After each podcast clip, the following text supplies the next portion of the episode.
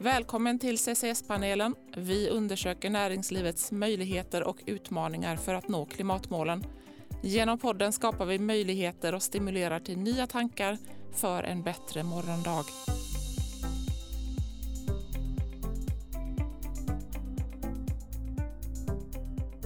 Jag heter Sara Davidsson och idag har jag med mig här i studion Hanna Paradis. Välkommen!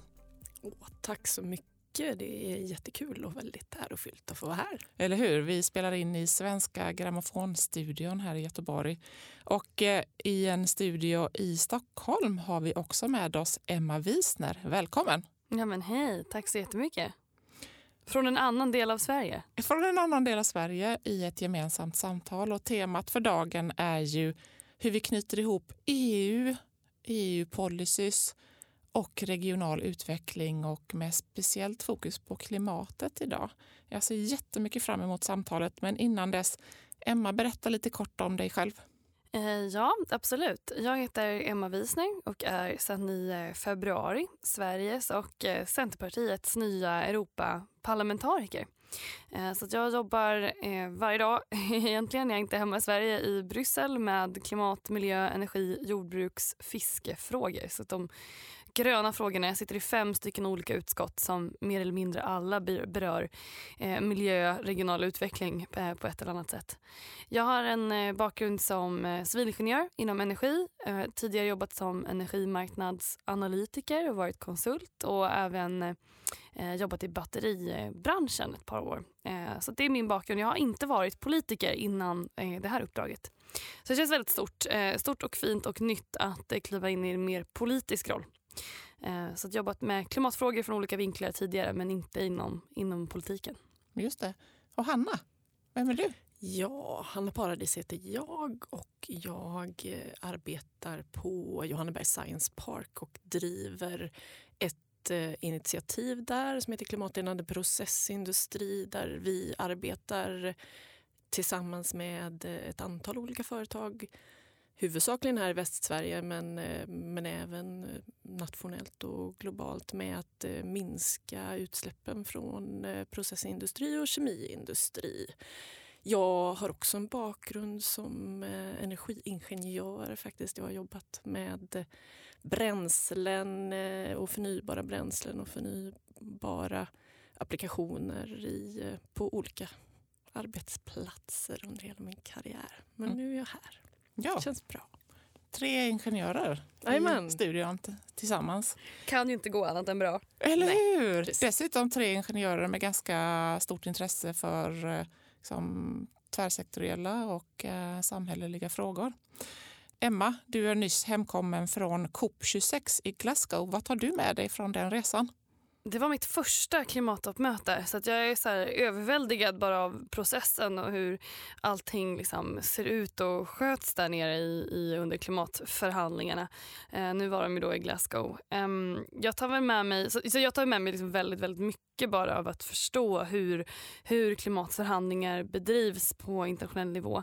Men också den eh, liksom beslutsamhet och tryck trycket som finns under de här två veckorna när man är på plats. Det blir liksom, det är rockkonsertstämning fast för eh, klimatet. Så det är väl det, är väl det främsta, liksom. den här känslan på plats och också sen att, att eh, se och vara där med egna ögon och ta del av hur, hur upplägget faktiskt ser ut. En av de saker som eh, det kanske fanns förhoppningar om det var ju att eh, komma lite längre kring det här med eh, ett globalt pris på koldioxidutsläpp. Samtidigt så är ju det en av de, det är liksom en av de mest basala frågorna då, men lite komplext att få till naturligtvis internationellt. Och det man är överens, om jag har förstått det hela rätt, det är ju att eh, gå vidare och hitta ett faktabaserat system för att redovisa utsläpp på ett transparent sätt och gemensamma regler också för kanske samarbeten, bilaterala samarbeten för hur vi kan räkna, tillgodoräkna oss minskningar mellan länder och så vidare. Och det här är ju en bra grund. Men Emma, hur, eh, vad ska till och när får vi ett eh, globalt pris på koldioxidutsläpp, tror du? Eh, till att börja med så tycker väl jag att det varit ganska mycket begreppsförvirring eh, också inför eh, mötet. Eh, för att man pratar om, om globalt pris på koldioxid men den frågan har ju egentligen inte riktigt varit på agendan utan det som framförallt har varit är det som är artikel 6 i Parisavtalets regelbok som mer handlar om utsläppsberäkningar. Eh, om ett land eh, genomför utsläppsminskningar, eller ett företag, eh, säg att Microsoft går in och investerar i en CCS-anläggning eh, i Sverige Eh, vilket inte är ett allt otroligt scenario. Eh, vem ska få liksom till, tillhandahålla den utsläppsminskningen? Är det en svensk utsläppsminskning för att det sker på plats i Sverige? Eller är det en amerikansk eh, utsläppsminskning för att det är amerikanska företag som har betalat för utsläppsminskningen? Det är ju det som, som inte var löst. Så att inför Parisavtalet så åkte man ner då med ofullständiga regler för vad är det som gäller när man vill flytta utsläppsminskningar. Och det har kallats i media och så för ett, ett, pris på utsläpp. Men det är ju mer liksom utsläppskrediterna och beräkningsreglerna för vem är det som, som får eh, tillgodogöra sig den. Eh, och det gör, när man väl har det på plats då kan man sen komma till en situation där man kanske kan prissätta det och att det är någon som betalar för den här utsläppsminskningen någon annanstans. Eh, men, och det har man nu löst. Så att det här artikel 6 och reglerna eh, för det här, det var en av, de, liksom, en av mina topp tre prioriteringar att jag ville se efter Glasgow-mötet. Därifrån till att vi har ett globalt pris på koldioxid, det är ju ett väldigt stort steg. Eh, och man får liksom skohorna in eh, den här definitionen att det här är pris på utsläpp, för det är det ju faktiskt inte. Eh, så det som jag jobbar med istället då varje dag på EU-nivå är ju EUs handelssystem med utsläppsrätter. Och där har vi prissättningen. Men det, den frågan att införa prissättning av koldioxid, den var inte alls eh, aktuell eh, på samma sätt eh, Eh, i Glasgow-mötet. Så där det är väl förhoppningar till kommande COP-möten att man på riktigt börjar prata om prissättning, att införa kostnad för CO2. Om det är i form av eh, skatt eller utsläppshandel eh, lämnar, låter jag vara osagt. Det är ju lite 50-50 vad, vad länderna har valt. Um, men där är vi en bit ifrån. Eh, EU jobbar ju nu med att utvidga sin handel eh, med utsläppsrätter eh, till fler sektorer. Och där tycker jag att man har ett ansvar att också försöka få in fler och fler länder så att fler ansluter sig så att vi kommer till det här globala priset på utsläpp. Eh, men där är vi inte riktigt än. Eh, så att hade man förväntat, eller liksom, det är klart att, att hade man höga förväntningar på COP och vill se ett globalt pris på utsläpp då kan man nog bli ganska besviken för att det var faktiskt inte alls det som, som diskuterades på mötet. Men samtidigt så är de här, den här gemensamma liksom bottenplattan superbra då med reglerna kring hur man tillgodogör sig eh, utsläppsminskningar. Då. Eh, exemplet med Microsoft och eh, våra ja. Eh, bio-CCS-anläggningar i landet. De som har kommit längst, den är ju väldigt reell. Verkligen. Mm. Och väldigt många svenska företag hörde av sig till mig också inför COP-mötet och pratade just om den här regeln för att eh, det finns ändå en, eh, ett vakuum här. Eh, vi skulle kunna se mycket mer internationella investeringar och fler som vill finansiera CCS i Sverige, bio-CCS bland annat. Eh, men i och med att den här regeln inte har varit klar så har det varit, eh, varit ett, liksom, en lucka. Mm. Så det var väldigt stort intresse från svenskt håll inför Coop.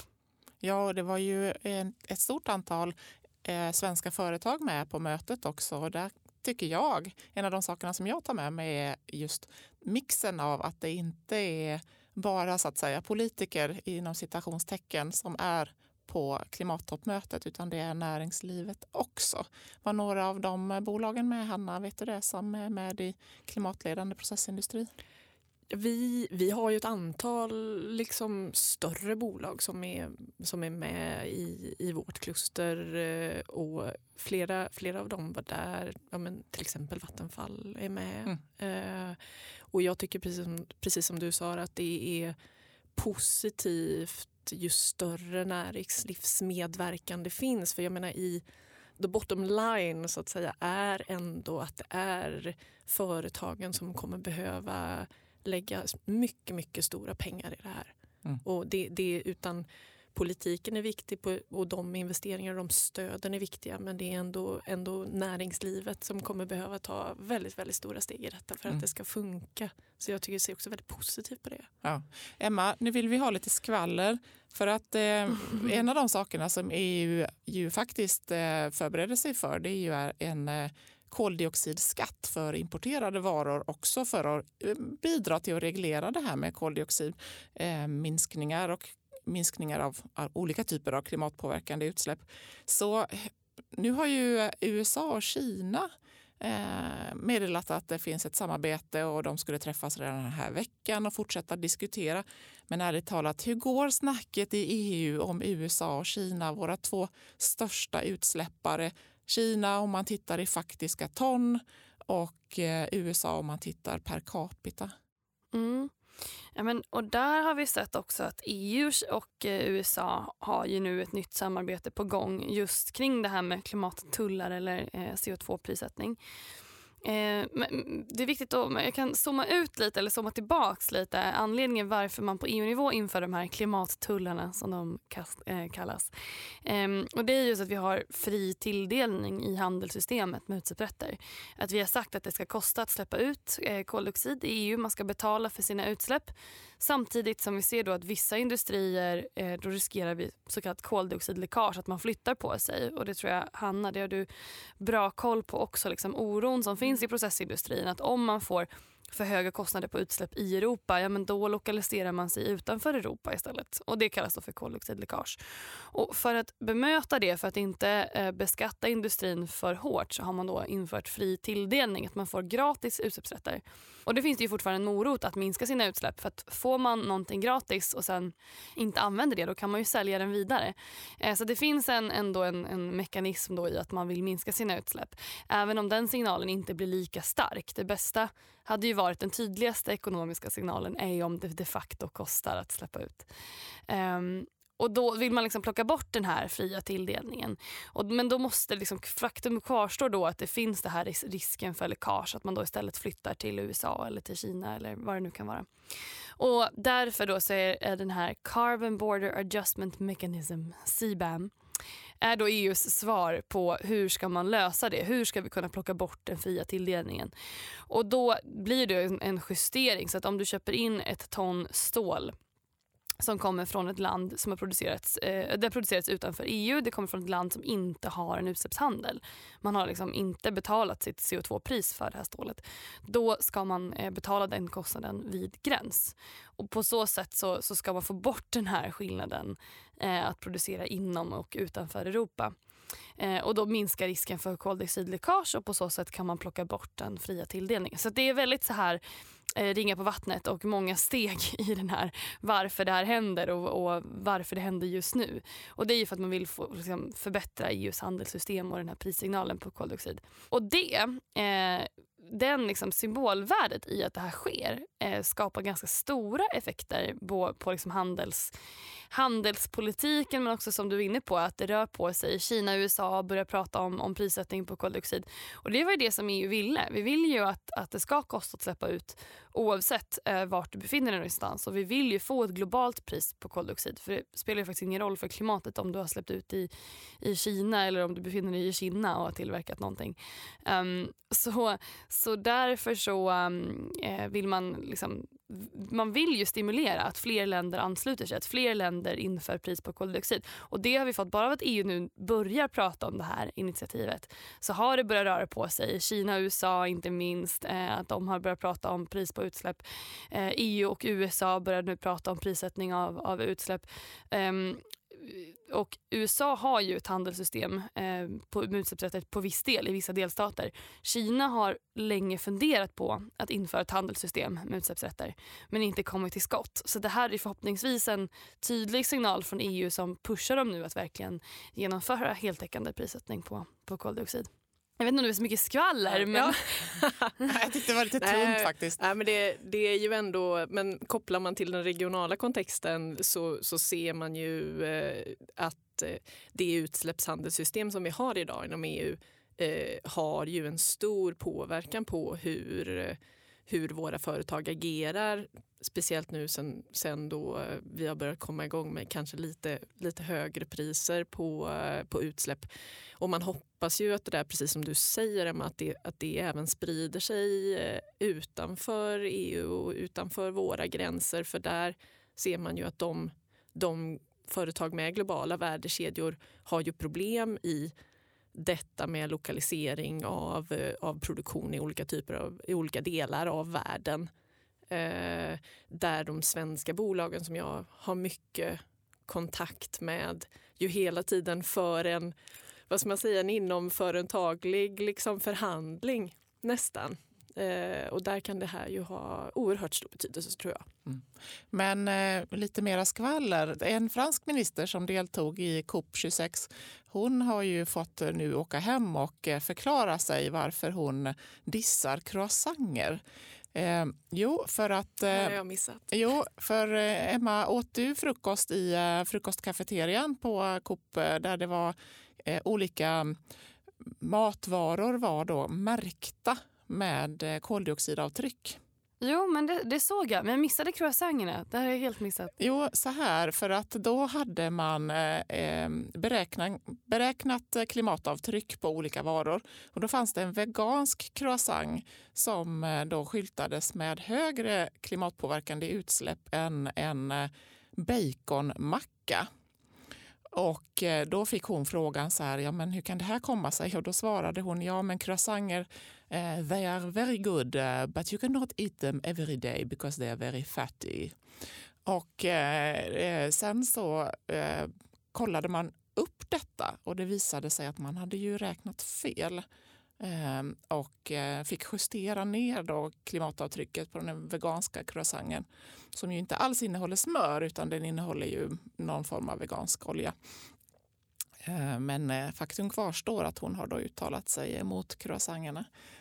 Svårt i Frankrike att uttala sig emot, emot croissanter tror jag. Alltså verkligen. Det krävs inte, inte särskilt mycket mer för så fransk eh, inbördeskris. Nej. Exakt.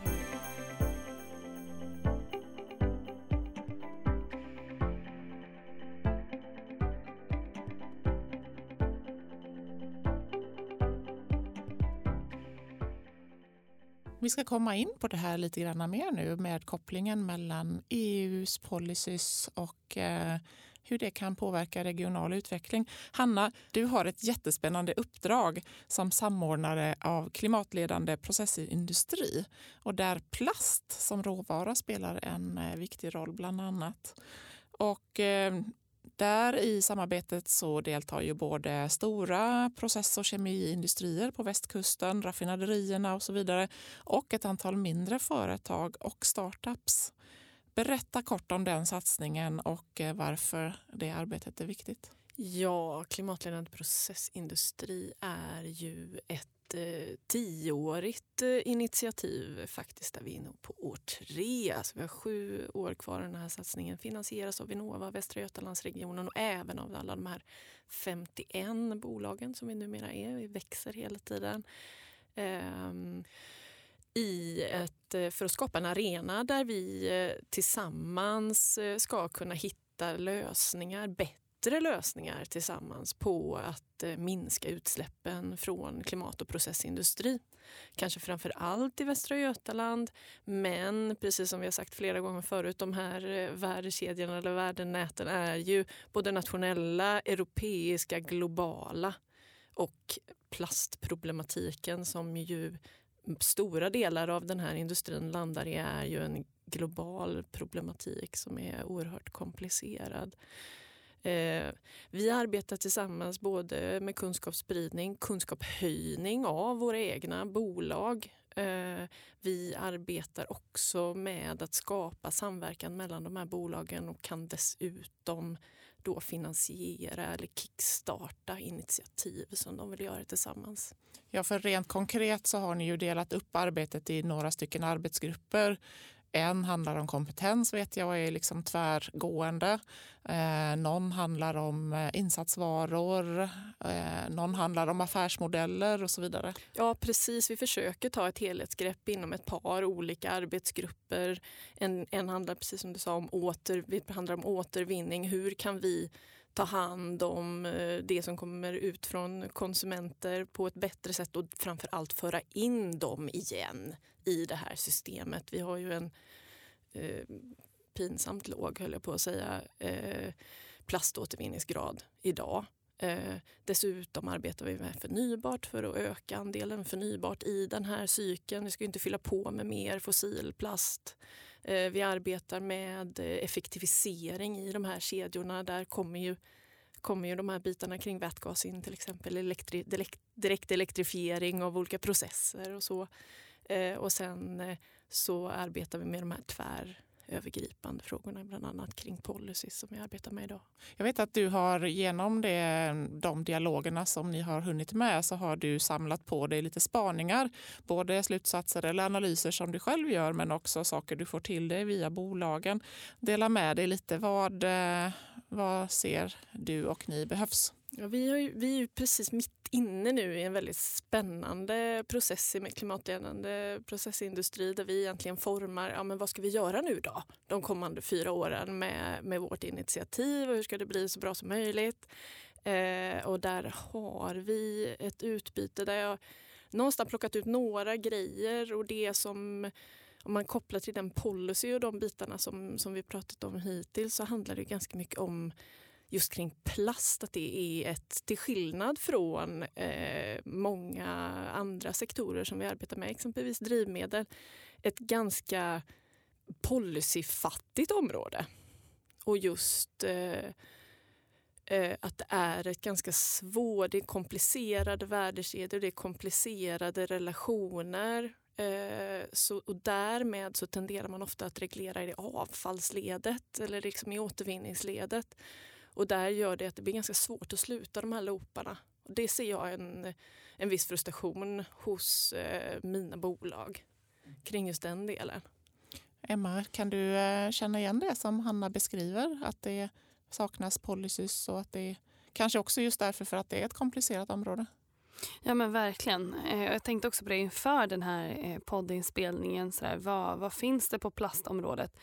Eh, på EU-nivå. Det är precis som, som Hanna säger att det är ju liksom i slutskedet i avfallssteget och när det blir utsläpp av plasten det är liksom då man kan eh, sätta pris på, på utsläppen och, och liksom hantera plastfrågan. Men när fossilt går in som insatsråvara där finns det otroligt lite styrmedel eh, och lite liksom att, eh, policy för att hantera att vi har massa fossilt som går in i produkter. Eh, och Det finns ju liksom knappt prissättning ens liksom för, för att man använder eh, fossilråvara in i produkter. Utan all prissättning och så kommer liksom först, först när utsläppen eh, blir till eh, i, i avfallshanteringssteget.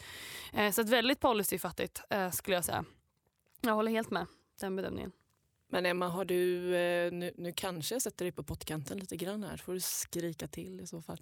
Men, men har du någon, eh, någon aning om hur EU ser på det här området kring det cirkulära och att just det är ganska policyfattigt i början av den här kedjan? Vi har ju inom eh, initiativet precis gjort en, en policyutredning tillsammans med Naturvårdsverket som handlar om ja, men egentligen hur man ska kunna reglera eh, kemisk återvinning i, i svensk lagstiftning. Vet, vet, du om det liksom finns den typen av, eh, av tankar på EU-nivå? Ja, men man är ju ändå väldigt liksom har frågan högt på agendan i och med EUs eh, Circular Economy Action Plan eh, Eh, alltså, um, handlingsplanen för cirkulär ekonomi. och Där pratar man väldigt mycket om det här och bland annat då kraven på an, andelen återvunnen plast i, in i, i olika plastprodukter eh, och att man vill öka andelen biobaserat och, eh, och så vidare. Så man, man har frågan högt upp. Sen har väl inte det helt mynnat ut i policy än. Um, men det jag tror eh, liksom kommer blir ett svar på det här. Eh, just för att också hantera insatsen in i produkter. Och Det märkte jag väldigt mycket när jag jobbade i batteriindustrin som var liksom lite en av föregångsbranscherna. Men det är det här med carbon footprint och att vi kommer börja mäta mycket mer och ställa krav på redovisning av produkters klimatprestanda ur ett livscykelperspektiv.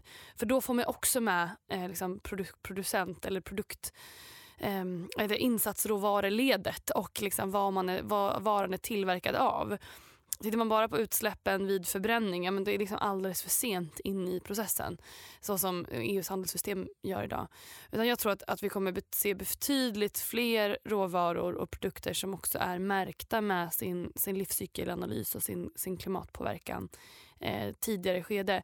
Jag brukar använda exemplet med liksom Ikea-kuddar. Eh, jag ska försöka förklara det för folk. För vi har ju ekodesigndirektivet som jag var inne på som berättar för folk ja, men hur energieffektiv är den här kylskåpen eller, kylskåpet eller dataskärmen eller dammsugaren. Alla e-, elslukande produkter är ju märkta med energieffektiviserings, eh, energieffektiviseringslogga. Alltså är man röd, gul, orange eller grön. Um, och, men, men, det beskriver bara liksom användningen av energi när produkten används. Det säger ju ingenting om hur produkten har kommit till. Eh, nästa steg blir liksom att fördjupa det eh, arbetet och så står man där med, med till exempel soffkuddar på Ikea. Och så håller man en i, i varje hand och så är den ena gjord av egyptisk bomull och den andra av svensk lin. I dagsläget finns det bara prislappen att jämföra de här på. Man kan gissa liksom att en, en svensk tillverkad kudde förmodligen har ett lägre utsläpp men vi vet ju faktiskt inte. Konsumenter vet ju inte det. Och det är samma med plastråvaran. Liksom. Innehåller produkten mycket återvunnen plast eller innehåller den fossil plast eller biobaserad plast? Har man eh, lyckats liksom göra produkten cirkulär eller är den inte cirkulär?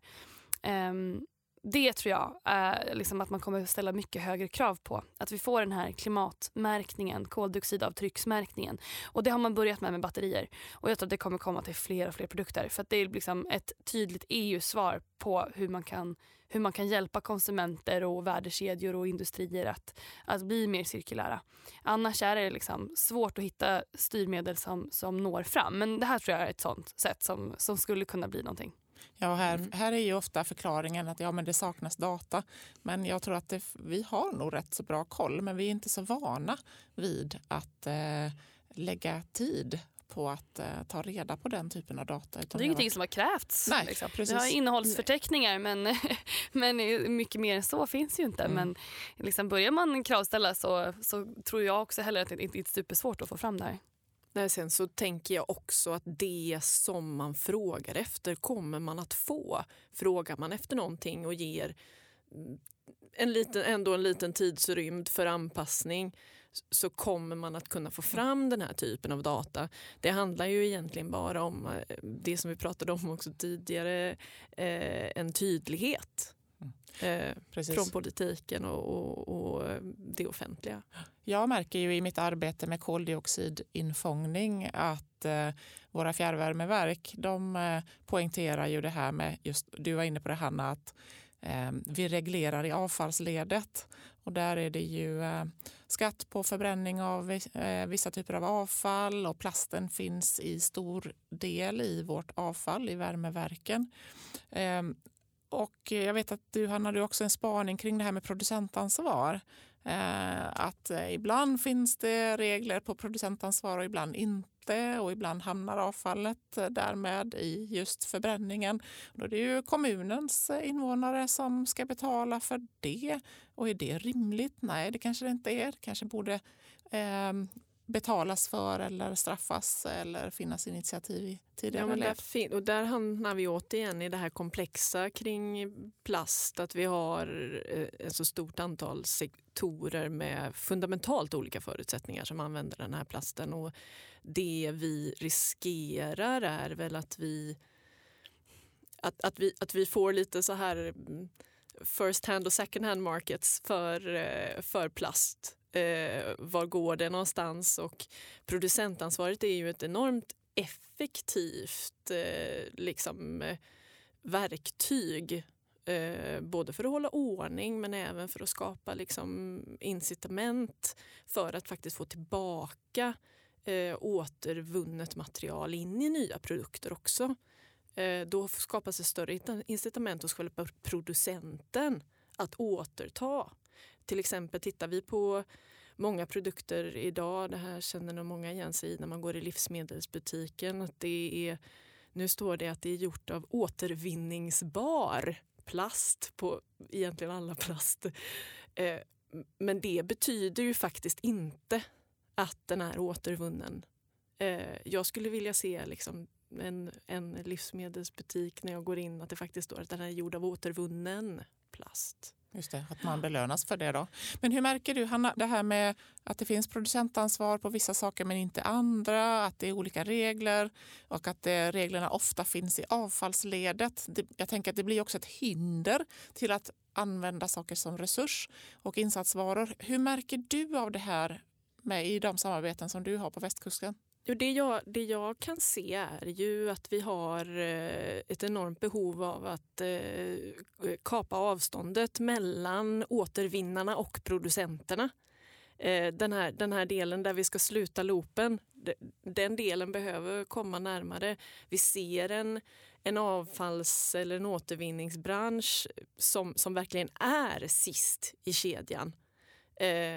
där de ser lösningar som, som eh, och investeringar som lite hamnar i deras knä som de känner kanske inte riktigt är deras problem.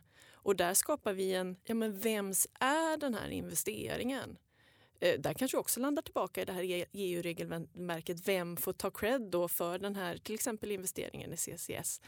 Eh, där, där tror jag att vi behöver ett mycket, mycket tätare samarbete för att det ska kunna fungera. Mm.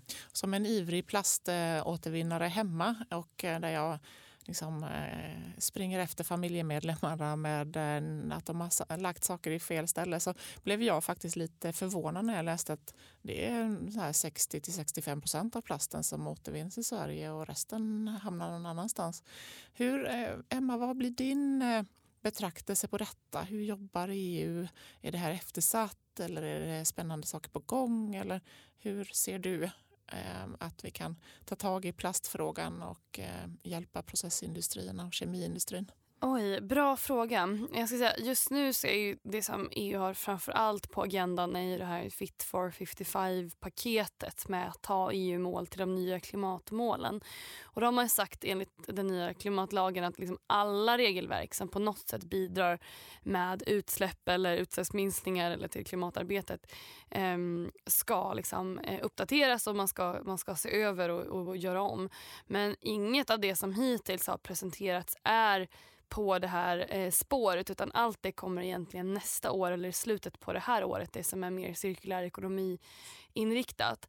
Eh, däremot så har ju också EU presenterat sin taxonomi eh, och förslaget på eh, liksom, finansieringsregler. Eh, vad det är som ska anses vara hållbart eller inte ur ett klimatperspektiv. Och den strategin, eller det, den taxonomin som har presenterats där man, man går igenom olika verksamheter och produktionstekniker och, och säger vilka som är, är liksom hållbara och gröna. Den ska kompletteras med en taxonomi för cirkulär ekonomi. Så att man kommer få in cirkulär ekonomi-perspektivet, återvinning, andelen återvunnet material, eh, krav på liksom, eh, men, hur återvinningsbar en produkt är och om den kan, kan återvinnas om den har använt eh, återvunnen råvara. Eh, det kommer liksom kompletteras. Så jag, jag, tror att vi kommer se mycket mer. Men taxonomin kommer presenteras i december, någon gång i slutet av året. Och eh, de andra initiativen väntar, dröjer nog till 2022. Eh, så att man ligger lite efter här men det är också för att man har väldigt mycket annat på tapeten på klimatområdet och utsläppshandel, nya klimatmål, eh, det är direktivet för förnybar energi, direktivet för, direktivet för energieffektivisering eh, och så vidare. Så att man har mycket annat på sitt bord och det gör nog att den här frågan är lite efter.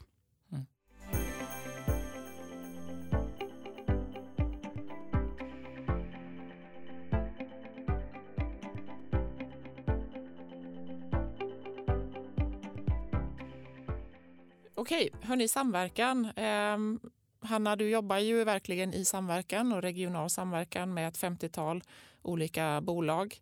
Och eh, berätta om eh, liksom, det här med samverkan. och Tilltalar det medlemmarna eller är det svårjobbat? Och finns det, vad finns det för längtan som, som du kan liksom eh, kanalisera och arbeta med?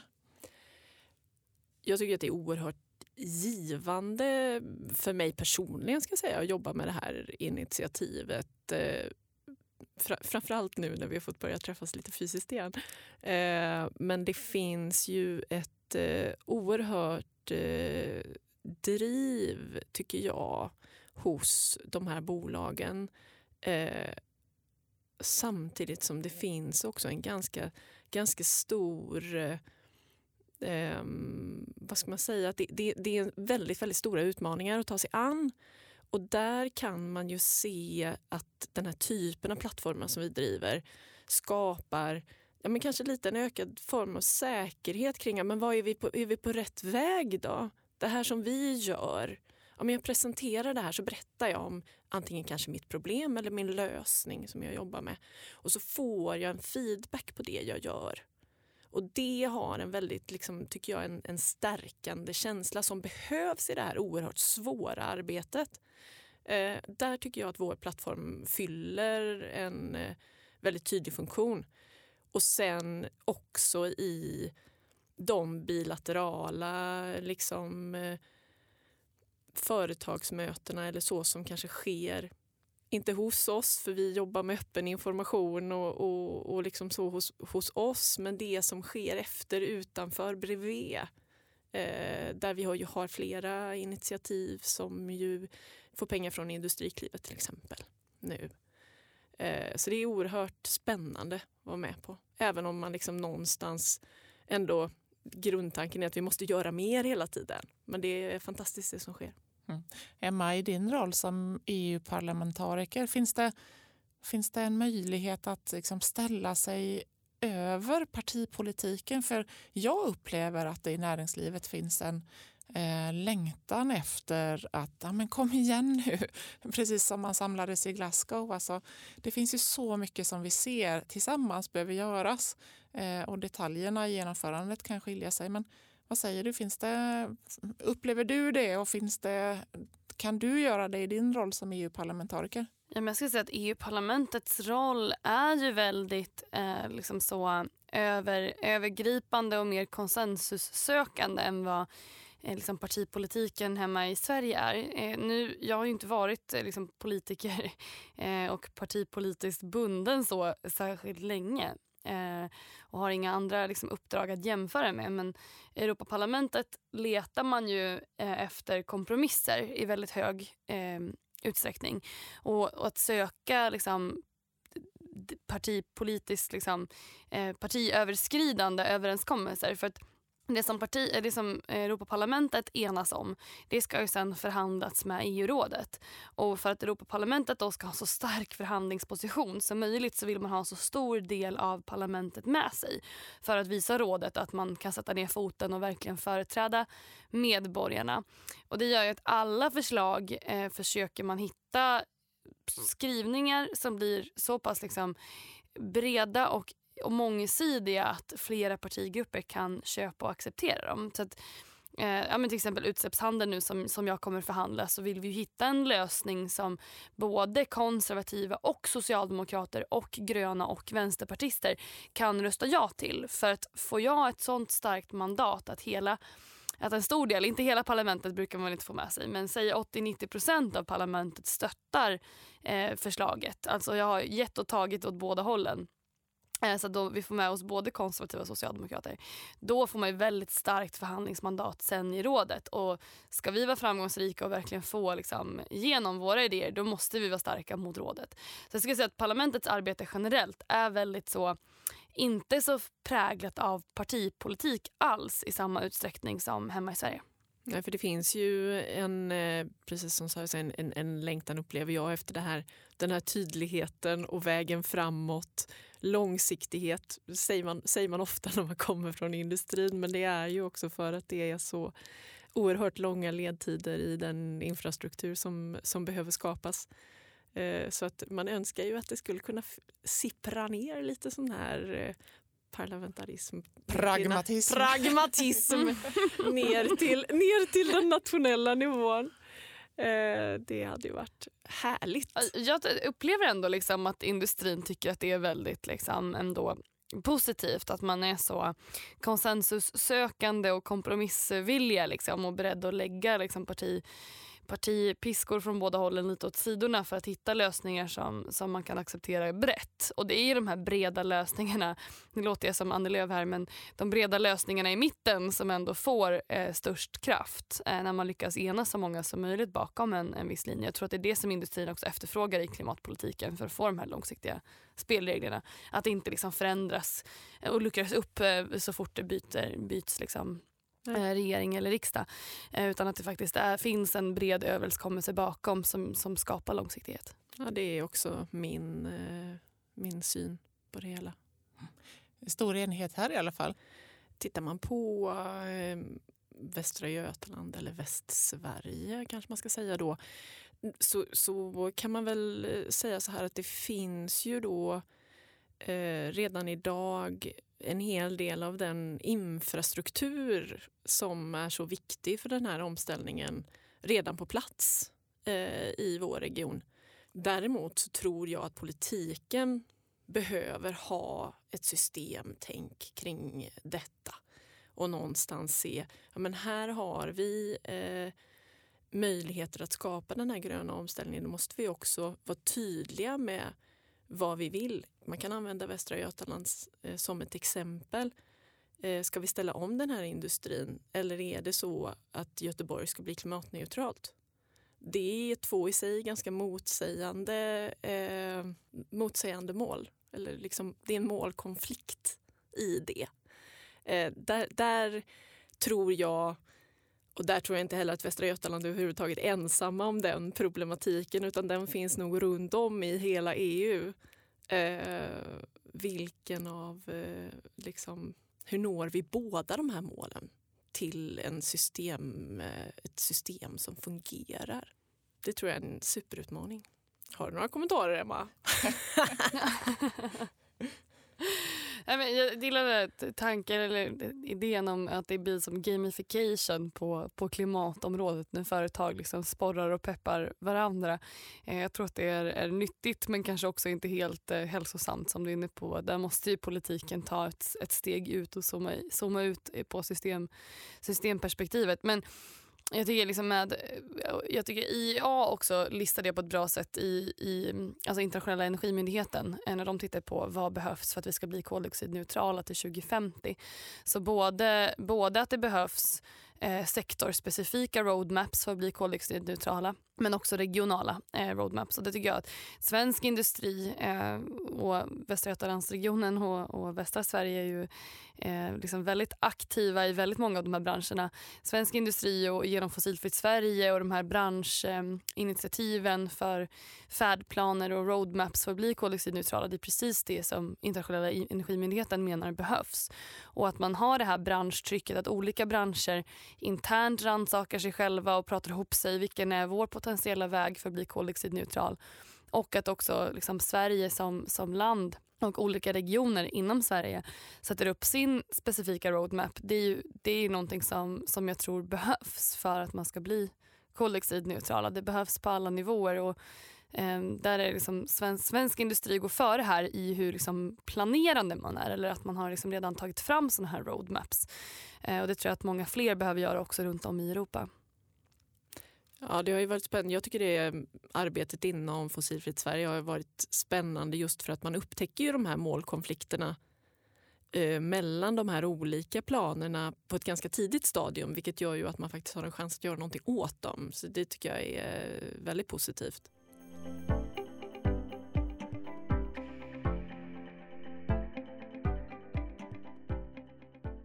Den här podden heter ju CCS-panelen och eh, vi har i flera avsnitt belyst CCS och eh, potentialen i Sverige och Norden. Och jag har ju träffat flera aktörer eh, som är igång och testar och utvecklar koldioxidinfångning runt om i Sverige. Emma, hur går diskussionerna i EU om CCS? Ja, men det här är ju otroligt intressant ämne. EUs eh, CCS-direktiv finns ju eh, sedan 2009. Så det har en himla massa år på, på nacken. Och Det är väl också en miniminivå kring vad som behövs för att utveckla CCS i Europa. Eh, så jag tycker att man ligger väldigt, väldigt långt efter på EU-nivå på det här området. Eh, direktivet som vi har idag reglerar liksom mer eller mindre tillståndsfrågan, översyn, ansvar eh, liksom väldigt så här baseline för, för vad som krävs för att driva CCS-anläggningar. Ingenting om marknaden och drivkrafterna bakom. Hur ska vi prissätta negativa utsläpp? Eh, där ligger man långt, långt bakom. Eh, och nu presenterar man då 5 september i år sa man att, en, att i alla fall under 2022 eh, man skickar ut så kallad letter of intent. Alltså att man, man har ändå indikerat att under 2022 så ska man i alla fall eh, börja ta fram lagstiftning kring carbon removal certification. Alltså eh, ja, men certifikat för vad är ett, ett negativt utsläpp och en utsläppsminskning. Så vi har liksom inte ens det på plats. Eh, och långt därefter så, så kommer vi väl kunna ens prata om prissättning och marknader. Så att här tycker jag EU har ett enormt ansvar att snabba på. Eh, det är fruktansvärt dåligt att vi liksom har EUs utsläppshandel för att prissätta utsläppen men vi har ingen prismekanism för att också ta vara på den här positiva effekten av, av CCS och andra eh, koldioxid eh, borttagningstekniker. Jag vet inte, carbon removal, eh, finns liksom inget bra ord för det på svenska men negativa utsläpp, koldioxidupptag. Eh, vi har liksom inte bra, eh, bra funktioner för det. Eh, så det, det tycker jag det är väldigt oroande att vi ligger så pass långt efter och det är väl någonting som jag vill jobba för att pusha ännu mer på EU-nivå. Ja, och ska vi standardisera vad vi menar med uttag av koldioxid från atmosfären och lagring av den och hur länge den är borta så är ju EU ett väldigt lämpligt, EU som minimum ett eh, lämpligt forum för det. Det känns att man på liksom EU-nivå har gjort minsta möjliga liksom för att täcka upp att vi i alla fall kan ha CCS. Men man, det saknas väldigt mycket på incitamentsfronten för att också stimulera och förbättra och liksom bygga ut och, och möjliggöra och finansiera eh, CCS-tekniken. Det är väl egentligen bara innovationsfonden som, som ger någon slags ekonomiska incitament att bygga ut CCS-anläggningar idag som jag vet att eh, flera svenska företag är, är med och har ansökningar i. Så förhoppningsvis får vi viss, viss liksom stöd i termer av finansiering via fonden. Men den här liksom mekanismen för att prissätta och, och stimulera upptag på samma sätt som vi har ETS för utsläppen så borde det finnas en motsvarande en ETS för upptagen av koldioxid och där är man ju oerhört långt efter. Mm. Och ni företag som sitter och lyssnar och andra organisationer för den delen som inte har eh, kontakt med Europeiska innovationsfonden. Ni kan lyssna på avsnitt 14 där vi gör en, en eh, grundgenomgång av hur det funkar och vad man ska tänka på där. Hörni, kunskapshöjande och eh, kunskapsdelande samtal är syftet med den här podden. Vad tar ni med er från vårt samtal idag? Nej, men jag eh, tar med mig eh, eh, jättemycket uppdatering från den eh, europeiska nivån av eh, Emma och hur eh, jag tror att det finns väldigt stora möjligheter framåt eh, att kunna bygga det här. Men vi, jag inser också att eh, eh, vi behöver bli ännu, ännu mer aktiva för att kunna eh, liksom, putta den här frågan framåt. Verkligen. Hanna, det är superbra att du fick med dig det. För att det behövs verkligen. Det behövs ett tryck ner mot Bryssel att verkligen få det här på plats tidigare. Nu liksom väntar vi till 2022 med att ens få liksom certifikaten klara. Eh, var, hur länge ska vi behöva vänta tills dess att vi har också marknadsfunktioner för det här? Eh, så superbra att få mer tryck i frågan ner mot Bryssel. Ja, och också berätta vad som händer. Liksom, att det här finns det saker som behöver hjälp och, och det, men, men får vi den så kommer det att komma. Det är kanske också den, liksom, den, den liksom insikten någonstans. Och jag tycker också liksom, svenska företag är generellt väldigt bra på när det kommer EU-beslut att reagera på dem och berätta vad man tycker är bra och vad man tycker är dåligt. Men här är en sån fråga där svensk industri också går före i mångt och mycket och här skulle man kunna bli bättre på liksom, ner mot EU-nivån.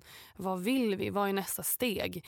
Hur skulle, man liksom, hur skulle vi i Sverige vilja att sånt här system ser ut? Att vara lite mer proaktiva och inte bara reagera på det som kommer från Bryssel utan proaktivt sätta agendan. I och med att vi, vi ligger så långt efter på EU-nivå nivå så finns det ganska mycket utrymme för proaktivitet om man är ett företag som jobbar med CCS och, och vill se liksom policy och stödfunktioner för CCS på EU-nivå.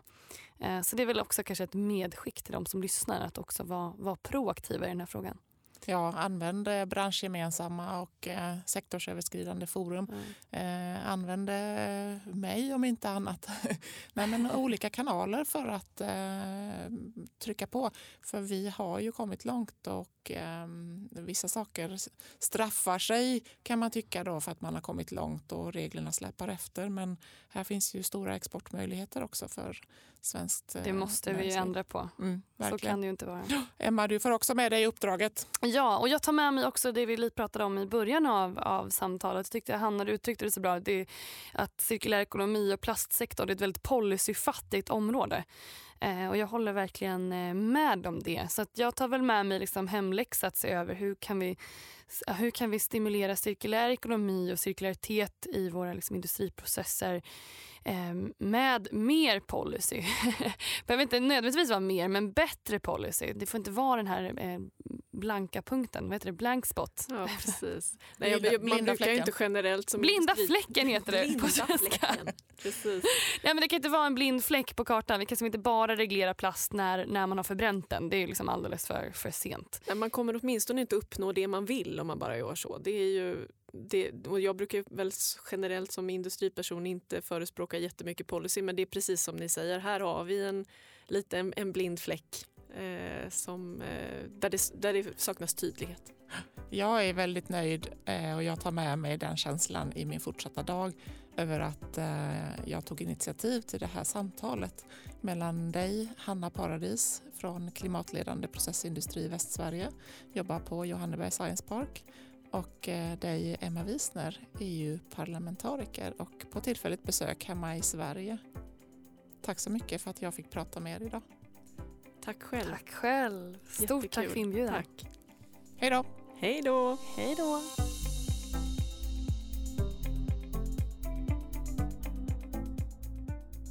Och den här podden spelas in i samarbete med eh, vårt produktionsbolag Komma och eh, Munk Studios